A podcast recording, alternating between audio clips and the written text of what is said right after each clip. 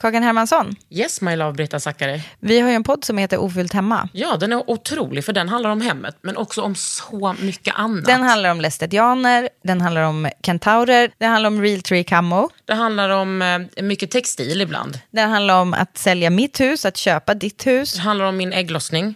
Alltid. Ja. Min också. Tack. Den heter Ofullt hemma och den finns där poddar finns. Hörs i podden, hej då! Hey, I'm Ryan Reynolds. Recently, I asked Mint Mobile's legal team if big wireless companies are allowed to raise prices due to inflation. They said yes. And then when I asked if raising prices technically violates those onerous two year contracts, they said, What the f are you talking about, you insane Hollywood ass? So to recap, we're cutting the price of Mint Unlimited from $30 a month to just $15 a month. Give it a try at mintmobile.com slash switch. $45 upfront for three months plus taxes and fees. Promo rate for new customers for limited time. Unlimited more than 40 gigabytes per month. Slows. Full terms at mintmobile.com. I veckans Under huden så träffar jag Frida Gustafsson som är en supermodell. Alltså hon är inte bara modell utan hon är supermodell. Och hon har varit det i tio år. Vi pratar modellande, psykisk ohälsa och om modeller äter en bomullsbit doppad i Cola light till lunch. Det här är en podd från L. Under huden.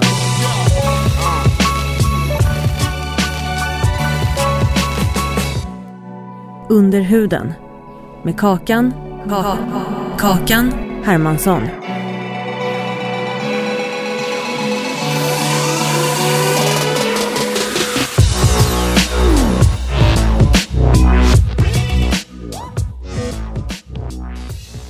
Jag undrar ju såklart den tråkiga frågan som jag också har ställt innan till dig. Vad, hur blev du modell? Du var ju ett, alltså ett pyttebarn. Ja, verkligen.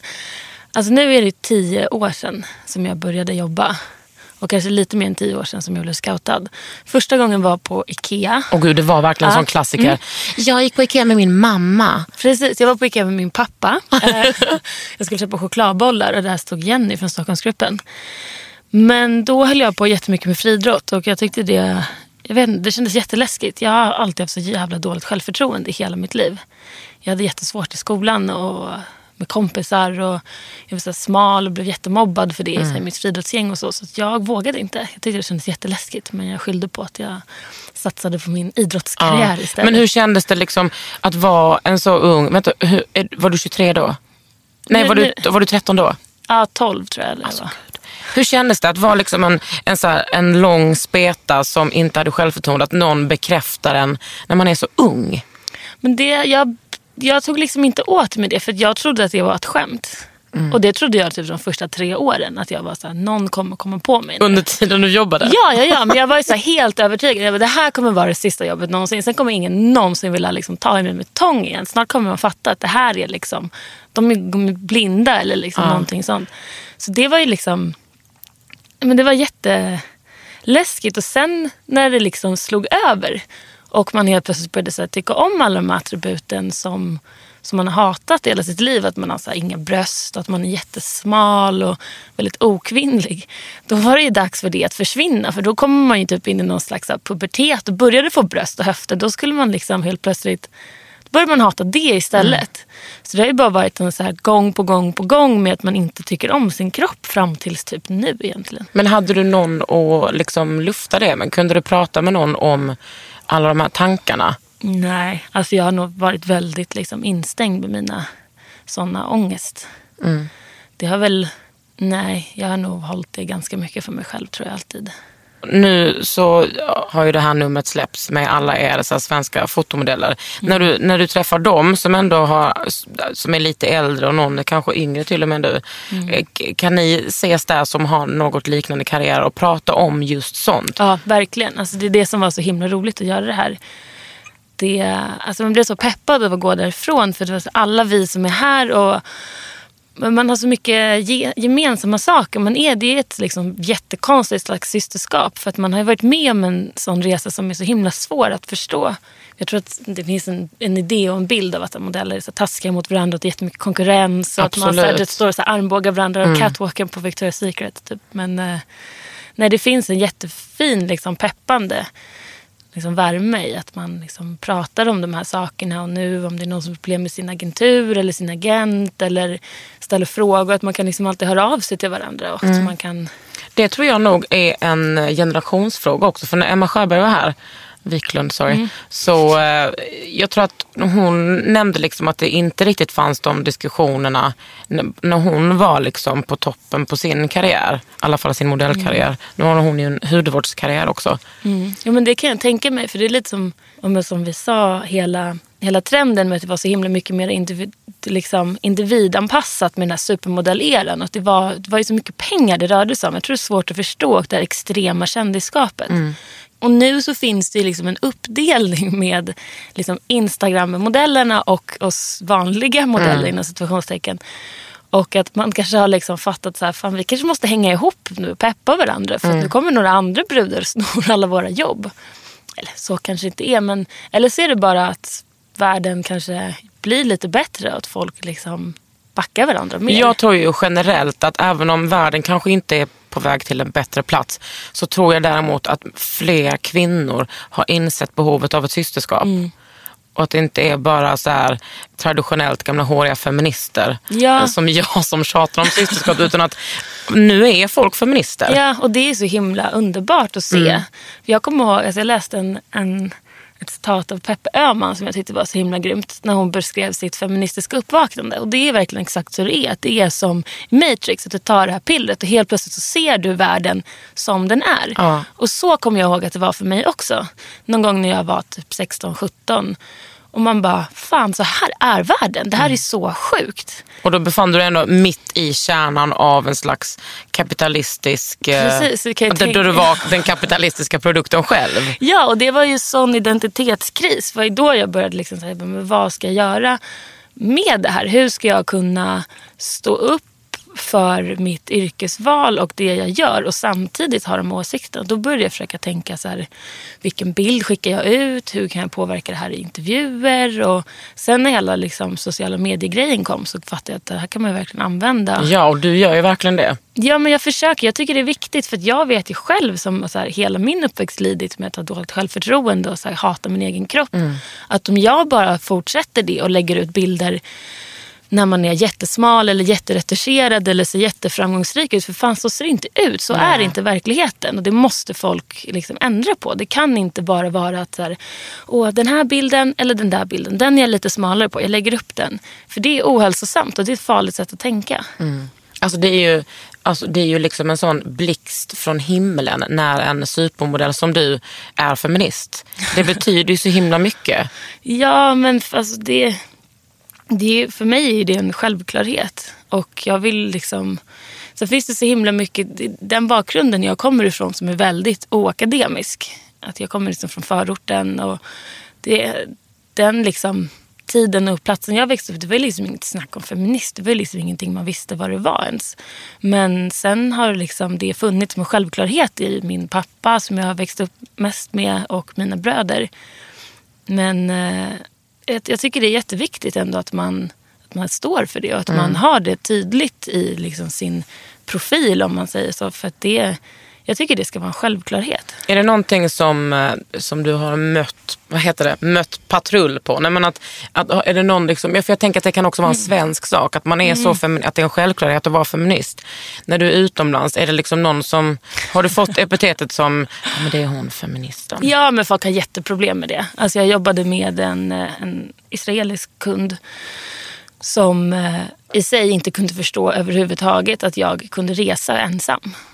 De var så här, men vi betalar för din man att komma hit. Så jag var så här, fast alltså det, jag var så här, det är lugnt. Alltså jag har rest själv sedan jag var 14-15. De bara, men hur kan... så här, Jaha, och, och bor du... Jag bara, ja, jo. Och, eh, och de var så här, men varför vill du det? Jag var så här, för att jag är en strong independent woman. Typ. Jag kan ta hand om mig själv och jag ser inget behov av det. De hade jätteproblem med det. Så vi hade väldigt mycket diskussioner över så lunchpausen och så. Men, och din man är ju hemma och jobbar. Ja, precis. Vad konstigt. Men du, för att gå tillbaka till den här post-Ikea chokladbollar-incidenten. När, eh, när tog det fart på riktigt? Alltså, när jag var 14 18 ungefär så började jag jobba mer. Då gjorde jag Stockholms modevecka. Jag kommer ihåg att jag gjorde Ide Sjöstedt. Det var min första visning. Jag skulle typ öppna och det var jätteläskigt. Och liksom, så hade jag träffat Robert Rydberg innan som jag tyckte var jättehäftig. Åh och, gud vad underbart. Eh, och Noomi Itke som liksom skällde ut mig för att jag inte kunde gå. Så fick jag låna ett par skor. Uh, fick jag låna ett par högklackade, kom ut på vita diesel högklackade skor. Och jag hade aldrig gått i högklackat hemma så gick jag där i radhuset hemma och liksom övade på att gå. Och det var jättespännande. Men sen så drog det väl igång också till Paris precis när jag hade fyllt 15 eller 16.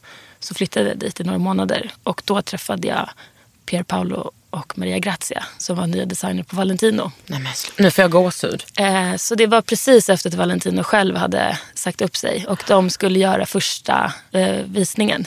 Och eh, jag blev bokad för att vara fittingmodell, vilket var helt fantastiskt. Jag var alltid den som de skulle prova alla kläderna på. Ja. För att sen kom alla de här, vet, alla mina idoler. Jag var jätteintresserad av liksom, mode och kläder. Och Vilka kom, var dina idoler då? Ja, men alla ifrån så Daria, till Raquel Zimmerman, Iris Struberger, eh, alltså Natasha Polly. Alltså alla de som gjorde alla de här stora grejerna då. Freja.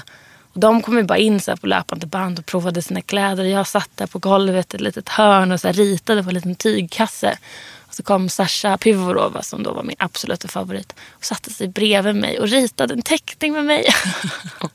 och jag blev så rörd. Jag har den fortfarande den här kvar.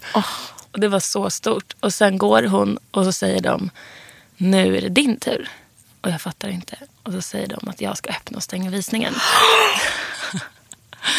och jag bara, jag måste bara gå på toaletten. Och går och så ringer min pappa och gråter. Och bara, det här är så sjukt. Det här, alltså, alla mina så idoler. Och jag ska få, jag ska få äran att liksom öppna det här. 15 små år. Ja. Nej men gud, alltså jag, nu det börjar jag var gråta. så fint. Det var typ första gången jag aldrig gått ett par så höga klackar i hela mitt liv. Och vi kommer dit och alla de här liksom coola it-modellerna är där. Och jag kommer in och har någon slags vakt som går med ett så här tygskynke över huvudet på mig. För det är så mycket journalister som försöker fatta vem jag är. Och det blev en så himla stor grej av att jag öppnade den här visningen. Så sen så har det bara poff och så åkte jag till New York och så var det Fashion Week där. Och då skulle jag göra Marc Jacobs Exclusive eller Calvin Klein. Och sen blev det att jag gjorde typ alla visningar. Och sen gjorde jag typ 80 visningar den säsongen. 80? Ja, men Är inte jag det tror asmycket? Jo, alltså, jag tror bara i Paris gjorde jag så här 28 eller 29 visningar. Då gjorde jag typ sex visningar om dagen. Strutt, strutt, strutt. Ja, strutt, men så hade man så här motorcykel så åkte man mellan och så kom man så här... äh, Det var någon som skjutsade dig va? Ja, ja, ja. ja, ja. Du bara passa på att ta M. Nej, du var ju inte ens, då var du Nej. 15. Mopperstation. Nej, jag skojar. Eh, ja, men så det var helt kaos. Och då, det, liksom, det gick så snabbt till att slungas in i den här... Liksom, så man reflekterade inte så mycket över det. Det var bara helt plötsligt så var det bara... Så var du liksom kindpuss med dina idoler. Ja, precis. Under huden.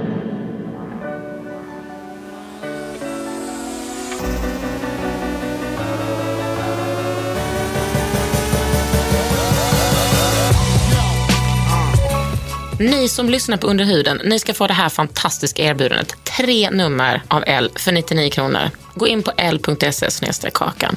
Där finns liksom all info.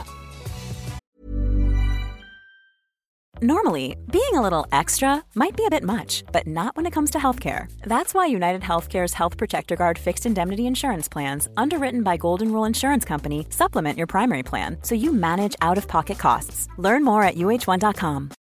Millions of people have lost weight with personalized plans from Noom, like Evan, who can't stand salads and still lost 50 pounds. Salads, generally, for most people, are the easy button, right? For me, that wasn't an option. I never really was a salad guy. That's just not who I am. But Noom worked for me. Get your personalized plan today at Noom.com. Real Noom user compensated to provide their story. In four weeks, the typical Noom user can expect to lose one to two pounds per week. Individual results may vary.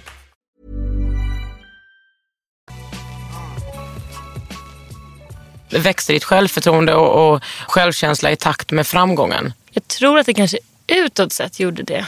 Jag tror att man liksom la till sig med maner och sätt att kunna hantera det här och hur man skulle röra sig och föra sig. Men innerst inne var, så, mådde jag jättedåligt. Jag tyckte det var jättejobbigt att liksom, man reste så mycket ensam. Och man var väldigt utlämnad på ett jättekonstigt sätt. Alltså man, eh, man spenderade all sin tid med personer man inte kände och man skulle hela tiden prestera. Och jag, var liksom så himla lång så att även om jag var otroligt mycket smalare då än vad jag, än vad jag är nu så var jag alltid en av de största. Och det är så sjukt och liksom, när jag ser bilder på mig då så är jag så det här är inte riktigt okej. Men det var ju också någonting som låg och grodde med att så här, även i den världen så passade man inte in. För då var man återigen för lång eller för konstig eller hade en sned näsa eller liksom någonting sånt där. Vad fick du för förhållande till mat då? Det var, var väl liksom i period, alltså jag åt väl typ godis eller ingenting typ. Men alltså man är liksom 15, 16, 17, reser runt hela världen. Man lagar aldrig mat själv. Du bor på hotell och du är liksom innan puberteten så du är jättesmal och du har ingen vuxen mer som säger åt dig typ vad du ska äta. Så att det blir typ att du så här, äter pannkakor eller så äter man typ ingenting alls. Och sen när jag blev lite äldre så kom man väl in i någon fas där man liksom åt jättenyttigt och typ räknade jättemycket kalorier och typ hade någon konstig så här bantningsfas typ som var liksom jättekonstig också. Så det är jättesvårt. Jag har alltid haft jättesvårt med, med liksom relationen till min kropp för den har alltid varit fel i liksom alla sammanhang. Och sen också den här grejen med att vara feminist och att vara modell.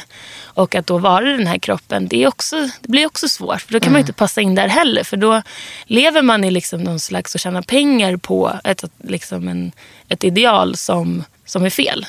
Så det är liksom, Även om du liksom, det är så du ser ut. Ja, precis. Men så är det ju med också eh, faktiskt den, i den feministiska scenen där jag har befunnit mig så jävla länge. Ibland kan jag uppfatta liksom att vi blir väldigt kritiska i, inom gruppen också själva. Även om den absolut värsta kritiken såklart kommer ut, utifrån mot oss kvinnor eller andra personer. Att vi eh, ibland inte vet hur vi ska hantera allt hat.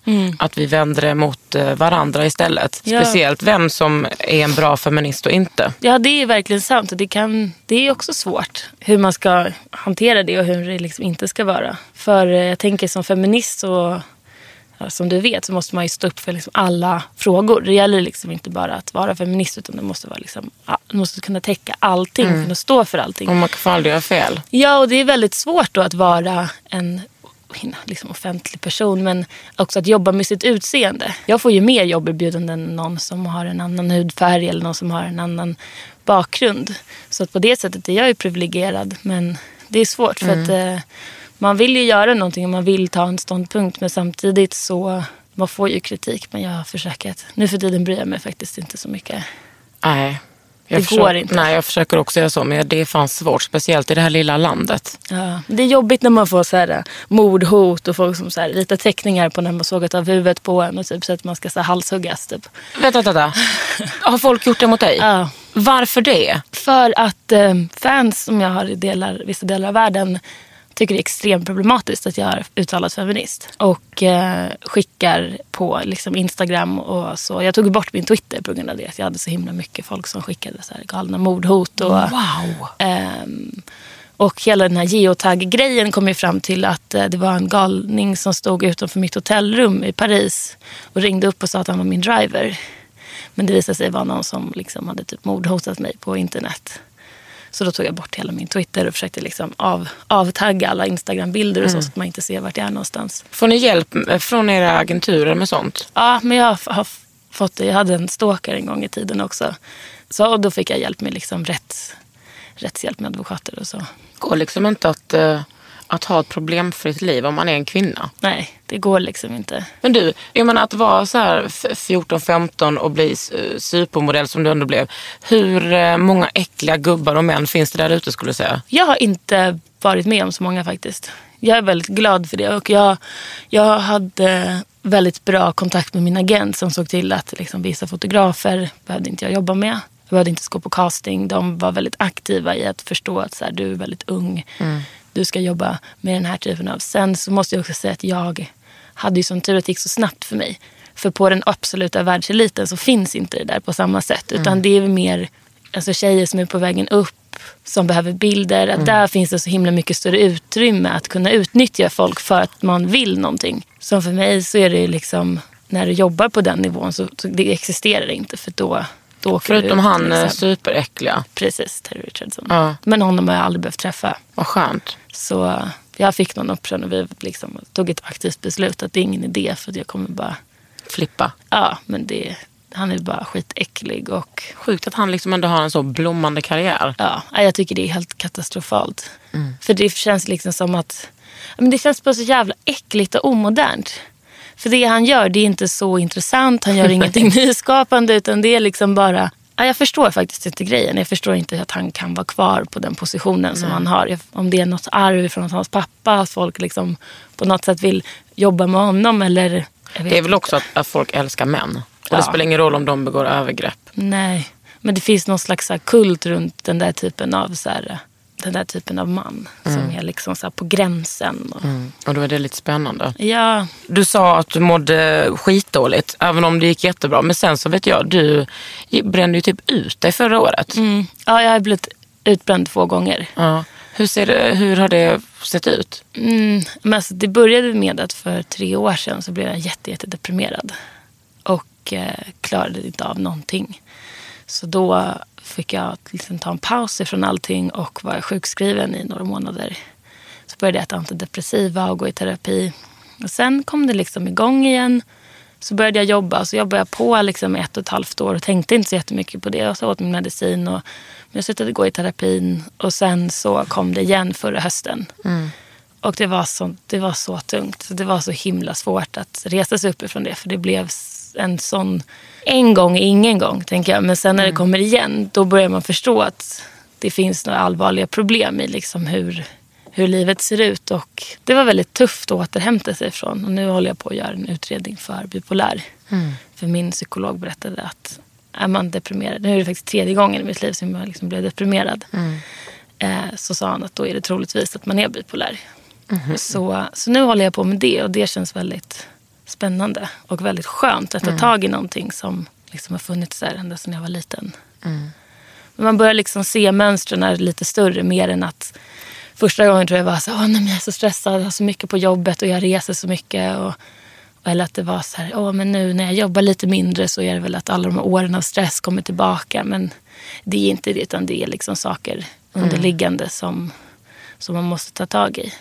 Och det är ju väldigt svårt att eh, då komma till ett jobb och vara den personen som ska vara inspirerande och liksom ge massa energi när man typ egentligen bara vill ligga hemma och typ gråta på badrumsgolvet. Fy fan ja. Ja. Det går ju inte att göra det. Hur har du gjort då när du har varit deprimerad? Men jag har jobbat på det sättet att jag har skapat lite som en persona. Alltså en, en annan person som jag kan gå in i när jag jobbar. Och det gjorde jag ganska tidigt som ett sätt att liksom skydda sig själv. Att man inte riktigt behöver ge hela sig, sig själv. Det känner jag igen. Och det var jätteskönt. För då kan man gå dit och vara den här personen som bara yeah, jag har köpt den här grejen. Bara, wow, vi pratar om den här hårprodukten. Och folk går därifrån och tänker så här, gud vad kul och vad roligt. Så här, Frida verkar må jättebra. Och sen så går man hem och bara, uh, lägger sig ner på soffan och men bara, det jag tycker är jobbigt när man blir så, för jag kan bli sådär speciellt när jag mår, när jag har mycket ångest. Mm. Att eh, det blir att man trycker på en sån manisk knapp. Mm. Och det tar så jävla mycket energi så att liksom, då när man kommer hem då blir man bara tio gånger tommare. Ja, och det blir så jobbigt för det går också ut efter med den personen som man lever med. Mm. Liksom, att den som man kanske egentligen behöver, kanske borde lägga den energin på eller lägga den energin på sig själv. Mm. Att så här, åka iväg och vara i naturen eller Mm. göra en sån sak. Men det är svårt. Nu mår jag mycket bättre. Men det är liksom en ständig... Det finns en lite sträng av den här melankolin i mig och den har liksom alltid funnits där. Mm.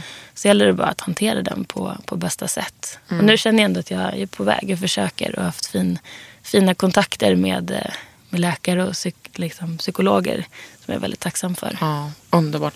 Men för du gick ju på eh, Biskops-Arne och gick Precis. dokumentärfilm, dokumentärfilmsutbildning. Mm. Heter det. Precis. Men du hoppade av. Ja, det var då jag eh, det slog till den andra gången.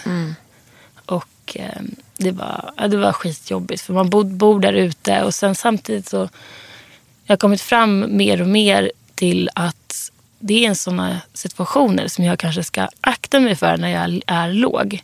Att det handlar hela tiden om att man ska prestera och man ska bli bedömd och inte bara på utan på dina tankar och på det. Liksom. Och det blir jättetungt att, liksom, att få kritik på ett arbete när du mår bra. Det är ju liksom ingenting, det kan man ta till sig. Men när du redan är låg så blir det som ett angrepp på dig som person. Ja, ja, ja, då rasar ju hela världen. Och det blev jättesvårt att hantera. Och det var ju liksom absolut ingenting mot varken mina klasskompisar eller min lärare. Utan det var ju bara för att jag inte var tillräckligt stark eller på rätt plats i livet för att kunna tillgodose mig den utbildningen. Men jag önskar verkligen att jag skulle kunna börja där igen. För den är fantastisk. Mm. Sjukt rolig. Alltså, don't get me wrong, men jag tänker så här. Hur fan är det möjligt att jobba som supermodell och inte bli deprimerad? Mm. Ja, jag tror inte att det går. Jag tror inte det. Alltså, jag tror att folk som inte blir det har något allvarligt fel. Ja, då tänker jag bara, gud vad skönt att ha det allvarliga felet att bara kunna kötta på. Men hur är det med dina Mm. kollegor? Alltså jag tror att jag har kanske också en lite mer känslighet än med säger då, Jack, min bästa kompis. Men även hon. Alltså man har ju sina egna demoner man kämpar med. Och det är ju svårt att hela tiden bli bedömd på någonting som du inte kan egentligen... Du kan träna mer eller mindre, men du ser ut som du gör.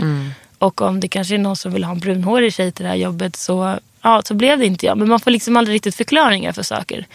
Utan det är väldigt ofta liksom motigt. Och sen när det går bra, då är det fantastiskt. Och sen så, då, då tänker man inte så mycket.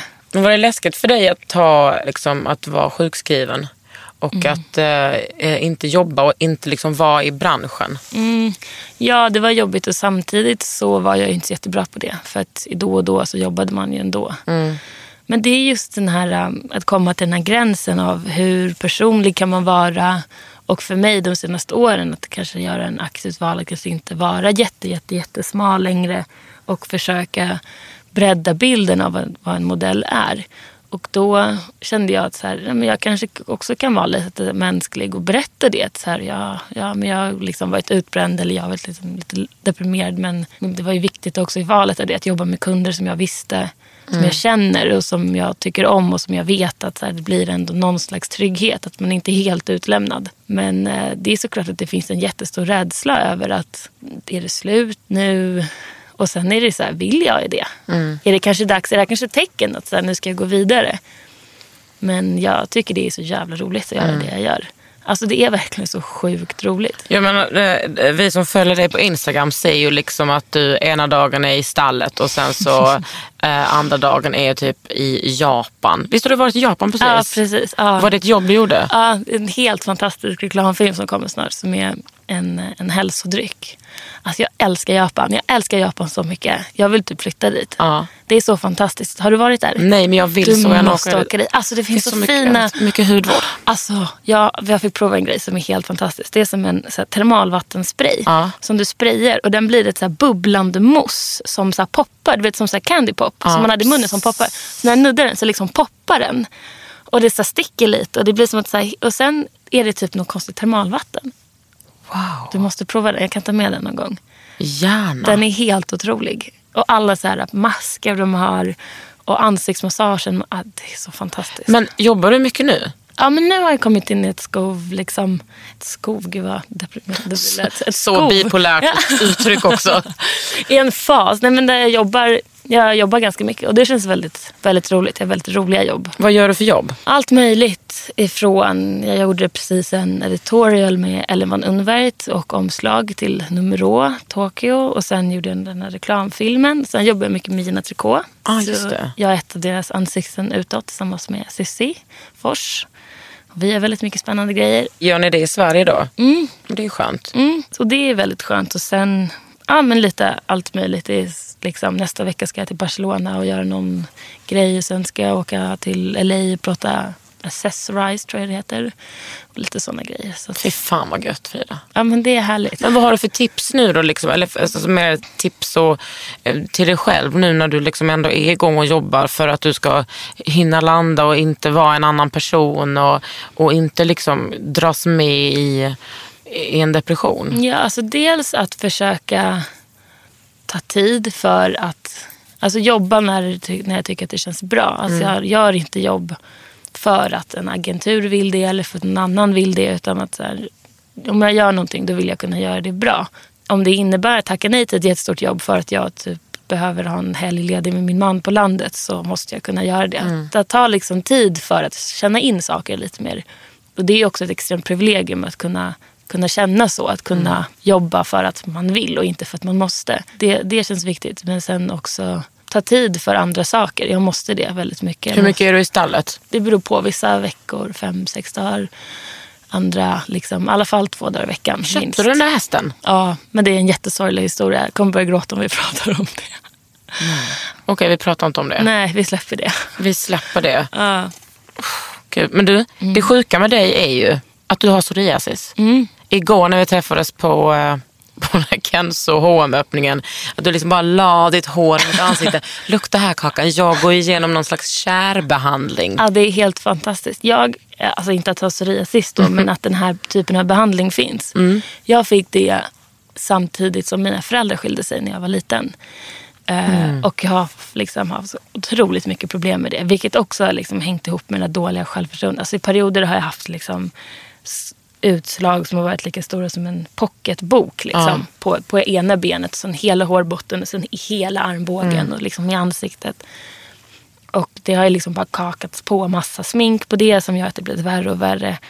Och jag har aldrig riktigt fått någon bra läkarhjälp för det. Jag har fått lite olika krämer, lite olika oljor men jag har liksom inte, man kan ju inte jobba och komma till ett jobb med liksom helt oljigt, greasy, kära hår. So they were just gonna have to work with this kids. Mm, det hade ju varit skönt. Men, Ja, men plus man har väl inte riktigt tid att eh, kanske heller vara på ett ställe i världen och genomgå någon slags successiv behandling. Nej, och sen att liksom byta vatten hela tiden och stress. Och då är det liksom inte den här stressen, så här, oj jag måste in till bussen, utan den här, så här livskrisstressen som jag ändå har levt med. med så här, folk som har ångest har ju det oftast. Men nu har jag äntligen hittat världens bästa förening som jag måste tipsa alla som har psoriasis att vara med om. Psoriasisföreningen. Helt fantastiskt. Startades på 70-talet av ett gäng patienter med psoriasis som kände liksom att de inte fick tillräckligt bra bemötande i vården. Så det är liksom, paci- eh, liksom patientägt. Så det är som en, liksom en, en jättefet förening som finns på sex, sju platser i Stockholm. Runt om i Sverige har jag inte så bra koll på. Men där man går och alla som jobbar där är typ de göttigaste som finns i hela världen. Alla har psoriasis. Ja, och de, det är liksom, man kom dit och det var liksom, jag var där första gången igår. Fem fantastiska kvinnor som bara bjöd på choklad och vi satt och pratade och liksom läste så modetidningar och vi pratade om smink. Alltså de var så jävla underbara och hjälper en med behandling. Sen fick jag liksom på mig någon så här kära grej i hela hårbotten. Går du in i liksom något, någon slags rum då? Mm, ja, det är jättefint. Liksom. Man går in och så byter, sätter man på sig en liten handduk och så kollar de igenom och så hjälper de en och smörjer in en och liksom tar bort alla de här fjällen. Och hjälper, för det är så himla svårt liksom, hela hårbotten att fixa det där själv. Och sen får man sätta sig i en bastu och typ läsa en bok. Så tar man någon dusch eller något bad. Och så, Vad, är det här, vad är det här för kära behandling du pratar om i håret? Ja, det är någon, eh, jag tror att det är en kärbaserad kräm som hjälper till att ta bort fjällen. Det är liksom, för att kunna behandla psoriasis så måste man ju få bort fjällen för att komma till liksom den här huden. Problemet är att huden reproducerar sig alldeles för mycket. Så det blir jättemånga lager i hud och det blir så stora vita fjälliga områden. Och hon berättade att för, förr i tiden så liksom tog man såna svinto och Nej, skrubbade bort. Eller Nej, man tog som typ luskammar och Nej, skrapade bort. Eh, och det har man ju då kommit fram till, det ska man absolut inte göra. Och vad smärtsamt också. ja men så himla hemskt redan ha liksom. Nej, För det gör ju så ont. Det är som att det känns ju lite som att man har blivit brännskadad lite lätt. Liksom. Det k- liksom känns hela tiden. Men du ser ju väldigt fin ut nu. Ja, men du ser att jag är liksom som prickar överallt. Ja, att är det R? Det är liksom läkt psoriasis. Mm.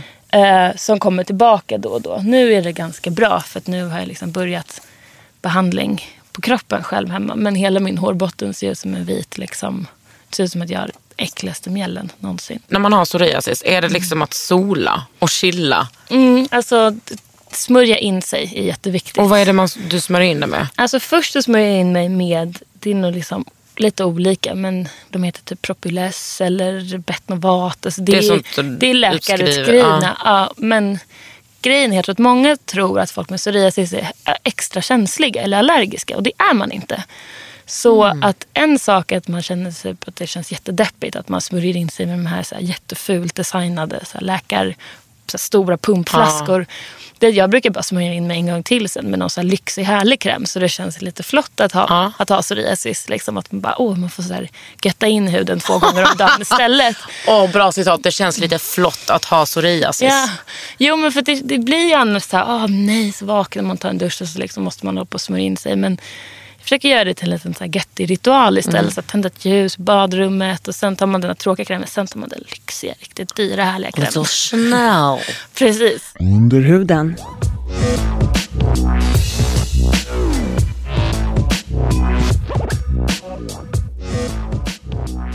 När, ble- var du intresserad av hudvård? Nej, du var ju för sig barn då, men var du intresserad av, av hudvård liksom, och beauty när du blev modell? Är det någonting som du slussades in i? Mm, det har väl liksom växt successivt. Jag kan ju säga att jag hade inte så mycket av intresse för det. Jag hade ju typ aldrig sminkat mig. Jag hade nog aldrig haft smink på mig innan jag blev modell. Jag kommer ihåg första gången jag skulle göra en, en editorial för tidningen Frida när jag var 13. Och jag, någon skulle sätta på mig mascara. Jag hade aldrig haft mascara på mig i hela livet. Och bara, alltså, typ, vad gör hon? Försöker hon så peta ut ögat på mig? Jag bara satt så här och bara, och hon bara, du kanske vill göra själv? Och jag var så här, ah. Så bara, skulle jag, man hade liksom ingen aning om vad jag skulle göra.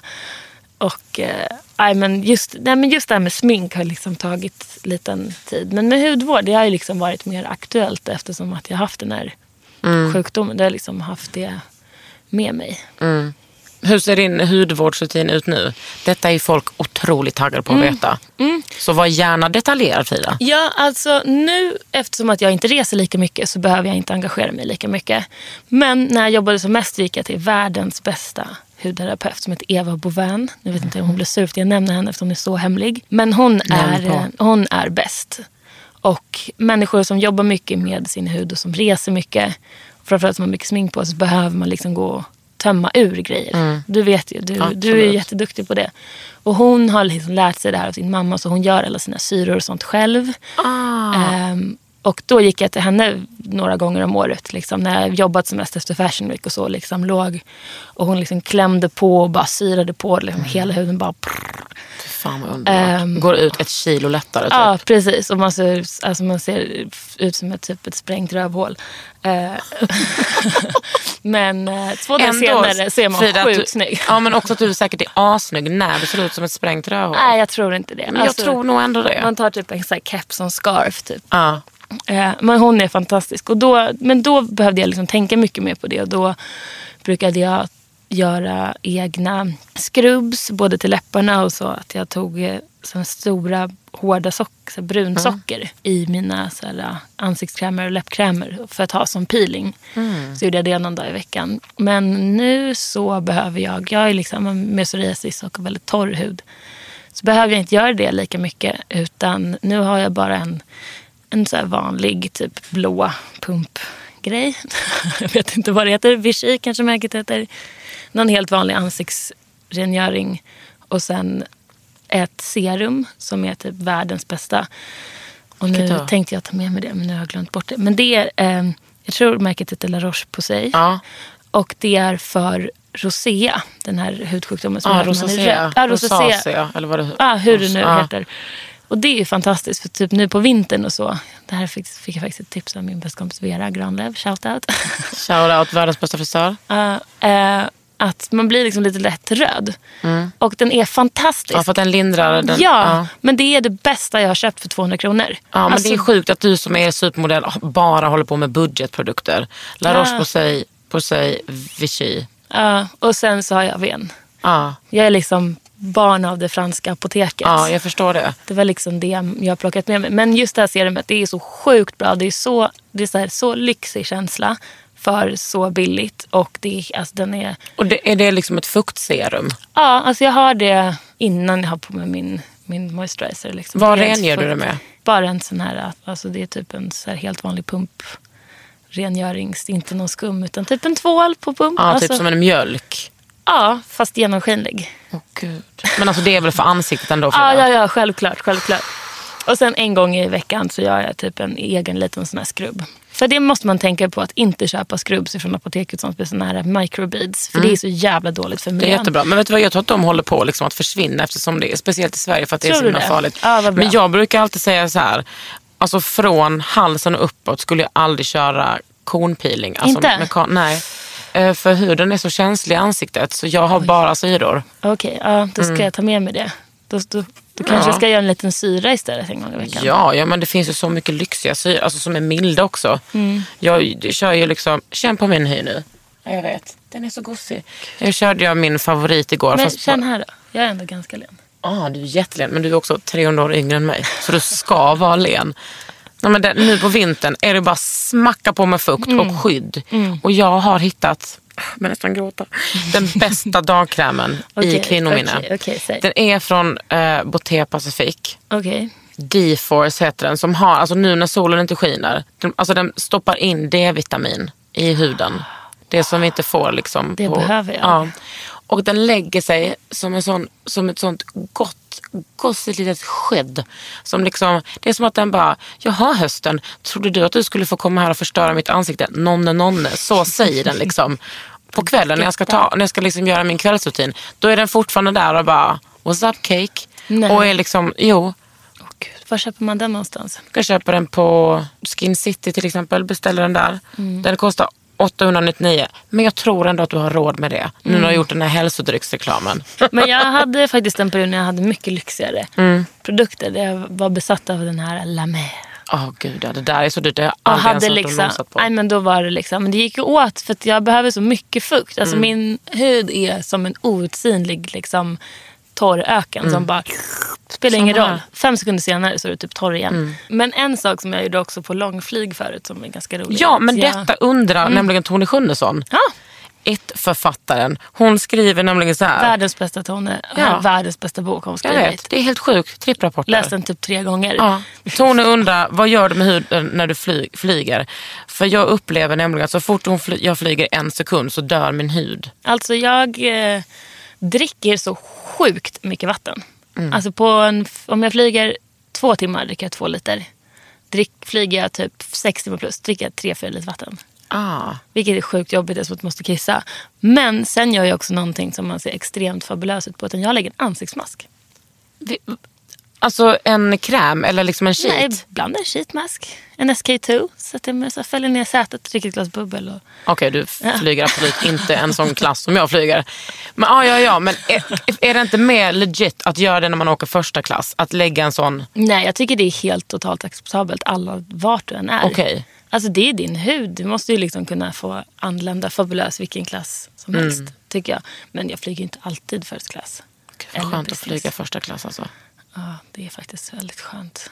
Då är det liksom som en helt annan resa. Mm. Man anländer liksom utvilad och inte. Men jag är så jävla lång också. Mm. Jag, får, jag kan ju liksom inte sitta i en sån plats alltså längre än några timmar. För annars går typ hela min kropp sönder. Mm. Och så ska man då så landa och typ jobba. Gud vad jag låter bortskämd nu. Nej, Men- jag, tycker, du, jag har ju bjudit in dig till det här programmet för att vi ska prata om såna här saker. Ja, men så är det faktiskt att vara liksom 1,85 centimeter över jorden. Du är ändå goa tio längre än mig och jag känner mig fan lång alltså. Ja, men det är jävligt svårt att tränga ihop sig Mm. där liksom, i ett här, till 10 timmars flyg. Men jag brukar faktiskt göra en mask. Men sen också att jag har Alltid när jag reser så har jag liksom som bara värsta fuktpaketet med mig. Jag har en ögonkräm, jag har läppkräm och jag har liksom moisturizer. Så har jag inte en mask så sitter jag där. Och jag geggar på en gång i timmen, alltid. Minst. Smart. Ja, så jag är liksom som en så fin liten necessär. Kanske stoppa ner så lite tuggummi eller en liten snack. Så har jag alltid det överst i min väska. Så lägger jag den där bredvid. Gärna en så fin liten necessär Ja. också. Så man känner Så man sig, känner sig lyxig efter psoriasisinsmörningen. Precis. Du, sen så har vi en, en riktigt bra fråga här från Annette. Alltså hon har skrivit så många, hon har liksom frågat så många bra frågor. Finns det en specifik foundation som är vanligast förekommande till sminkningarna på photoshoots? Alltså är det något märke, någon sort som är överlägsen favorit bland makeupartisterna? Vilken i så fall, och har den hängt med på toppen under många år eller är det en nykomling? Mm. Okej, då är det så här. MAC Face and Body har alltid varit liksom kroppssminkningens okrönte konung. Den används alltid, alltid på Fashion Week, allting. MAC Face Mm. and Body. Finns i liksom alla färger. Dock tycker inte... När folk använder den på ansiktet så kan jag vara lite så här, hmm, really. Men eh, de som Varför har, det? Men jag tycker det känns som en... Jag vet inte. Det är som att skulle du ha en body lotion i ansiktet.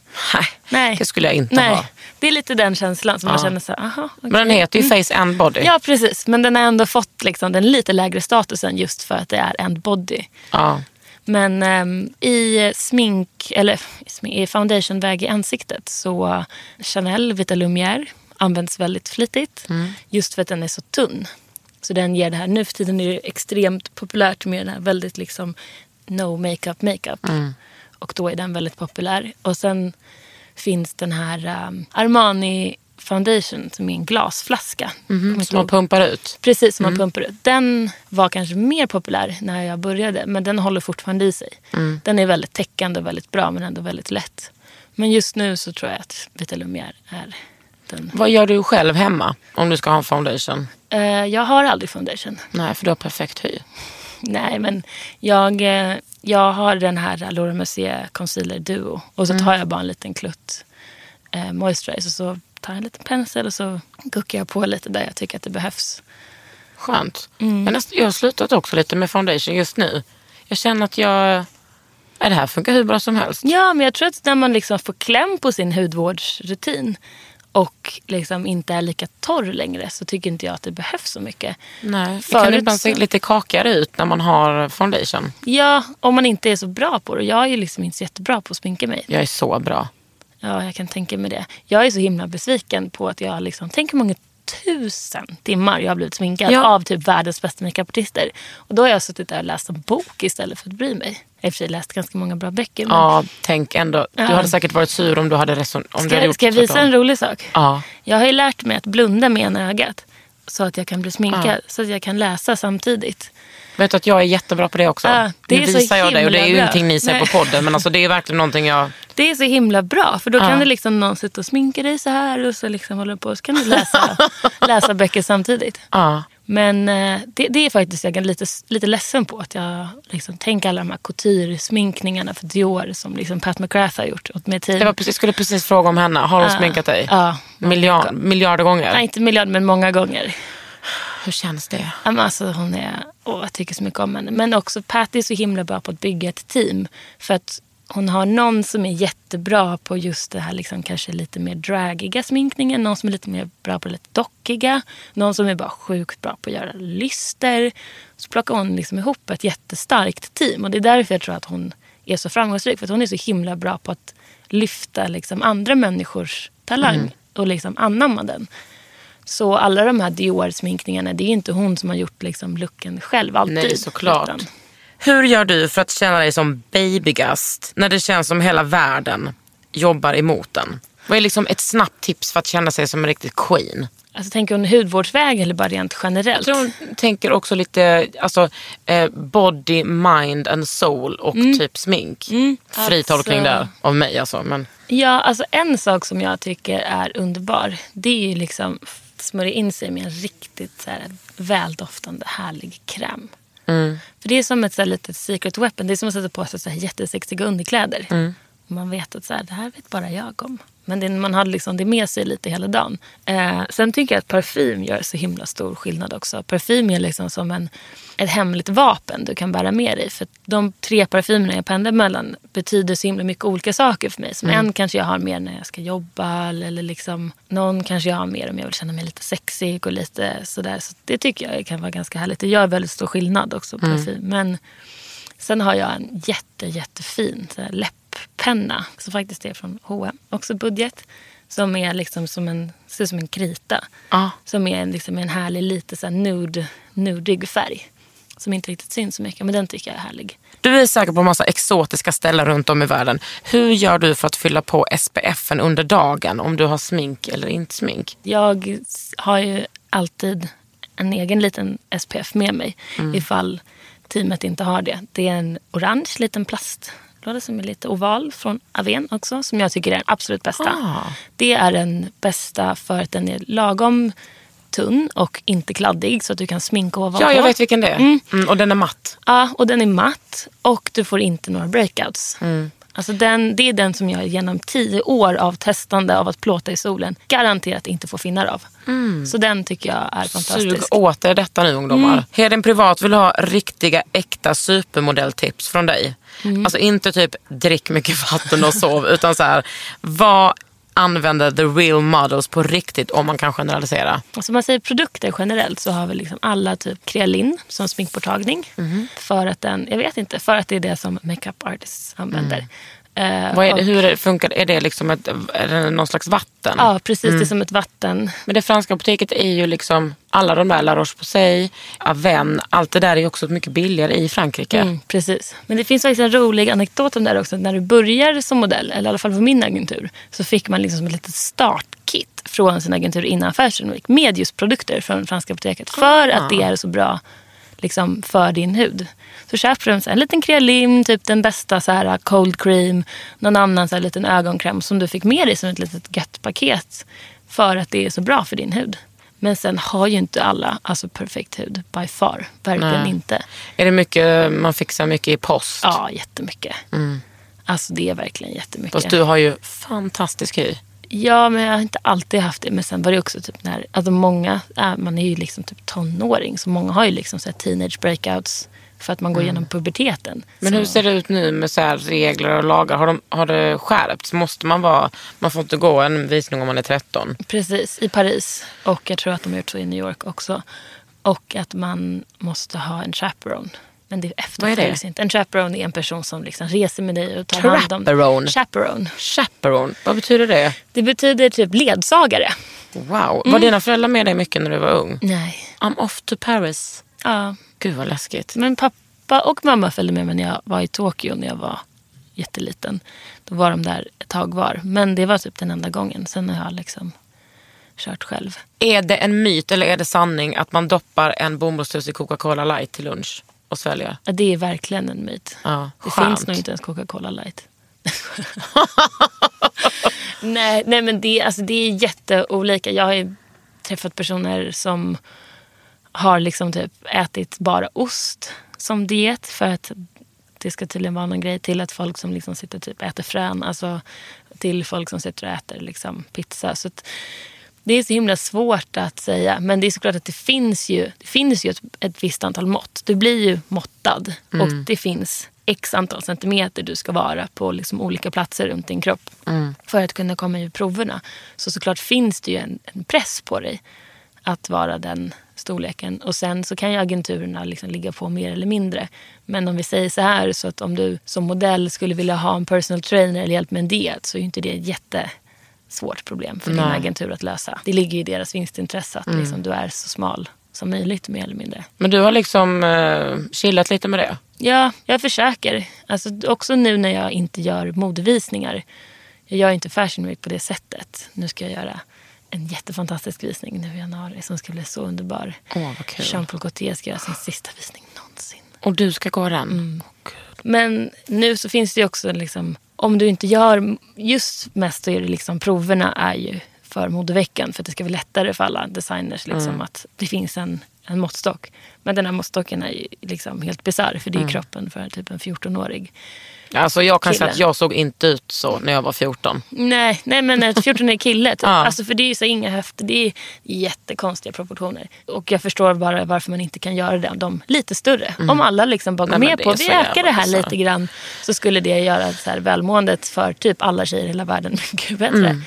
Men eh, det är ju hos dem problematiken ligger. Det ligger ju inte hos de modellerna som faktiskt ser ut så. För det är väldigt många som ser Mm. ut så. Och jag tycker det är väldigt fel när folk går på dem och skyller på att, det är liksom, att modellerna ser ut så här. Mm. För att man anpassar sig efter sin liksom, yrkesroll. Vi är många som anpassar oss efter våra arbeten. Ja, precis. Nej, nu försöker jag ta det liksom lite...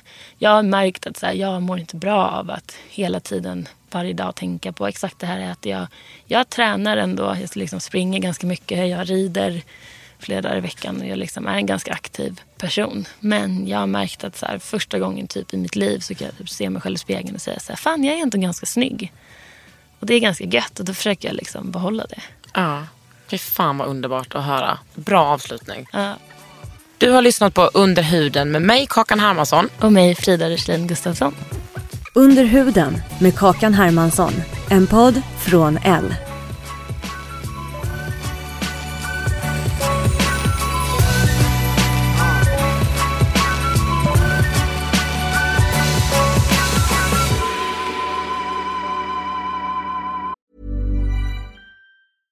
Want flexibility? Take yoga. Want flexibility with your health insurance? Check out United Healthcare Insurance Plans. Underwritten by Golden Rule Insurance Company, they offer flexible, budget friendly medical, dental, and vision coverage that may be right for you. More at uh1.com.